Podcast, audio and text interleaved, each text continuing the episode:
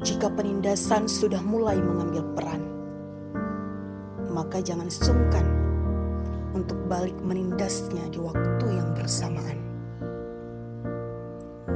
Jika kita disuruh bungkam dengan ketidakjelasan, disuruh diam tanpa sepatah kata yang kita lontarkan, diadili tanpa adanya bukti, dikotomi karena berani beropini.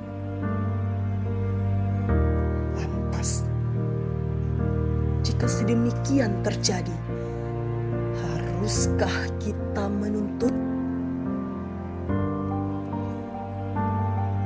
Beri kami, beri kami. Kami tidak mengharap lebih, tolong berikan hak kami.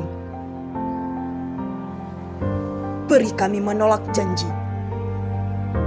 Beri kami menuntut Beri kami keadilan. Beri kami kesejahteraan.